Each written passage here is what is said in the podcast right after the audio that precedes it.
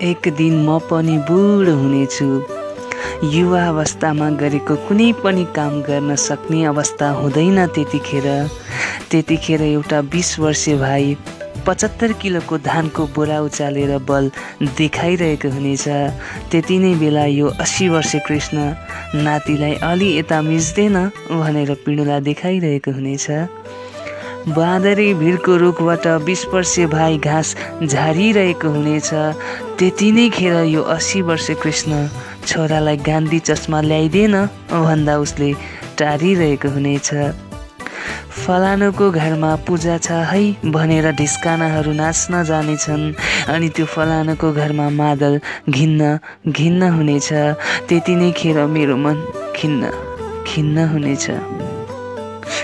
खिन्न यो कारणले हुने होइन कि त्यो घरमा पूजा छ खिन्न यो कारणले हुन्छ कि अब त्यो बल छैन त्यो तागत छैन जुन पहिला देखाइन्थ्यो।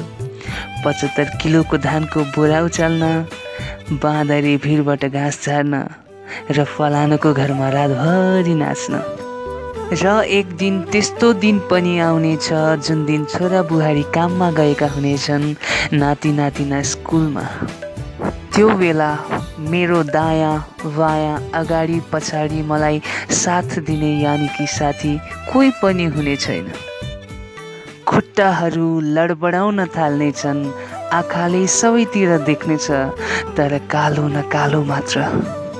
हातहरू थाकेको जस्तो हुनेछ गिलासको पानी पनि उचाल्न नसकिने हुनेछ त्यो बेला मेरो युवा अवस्थाको अत्यन्त प्रिय साथीलाई म सम्झनेछु नसकी नसकी मेरो काठको पुरानो दराज खोल्छु।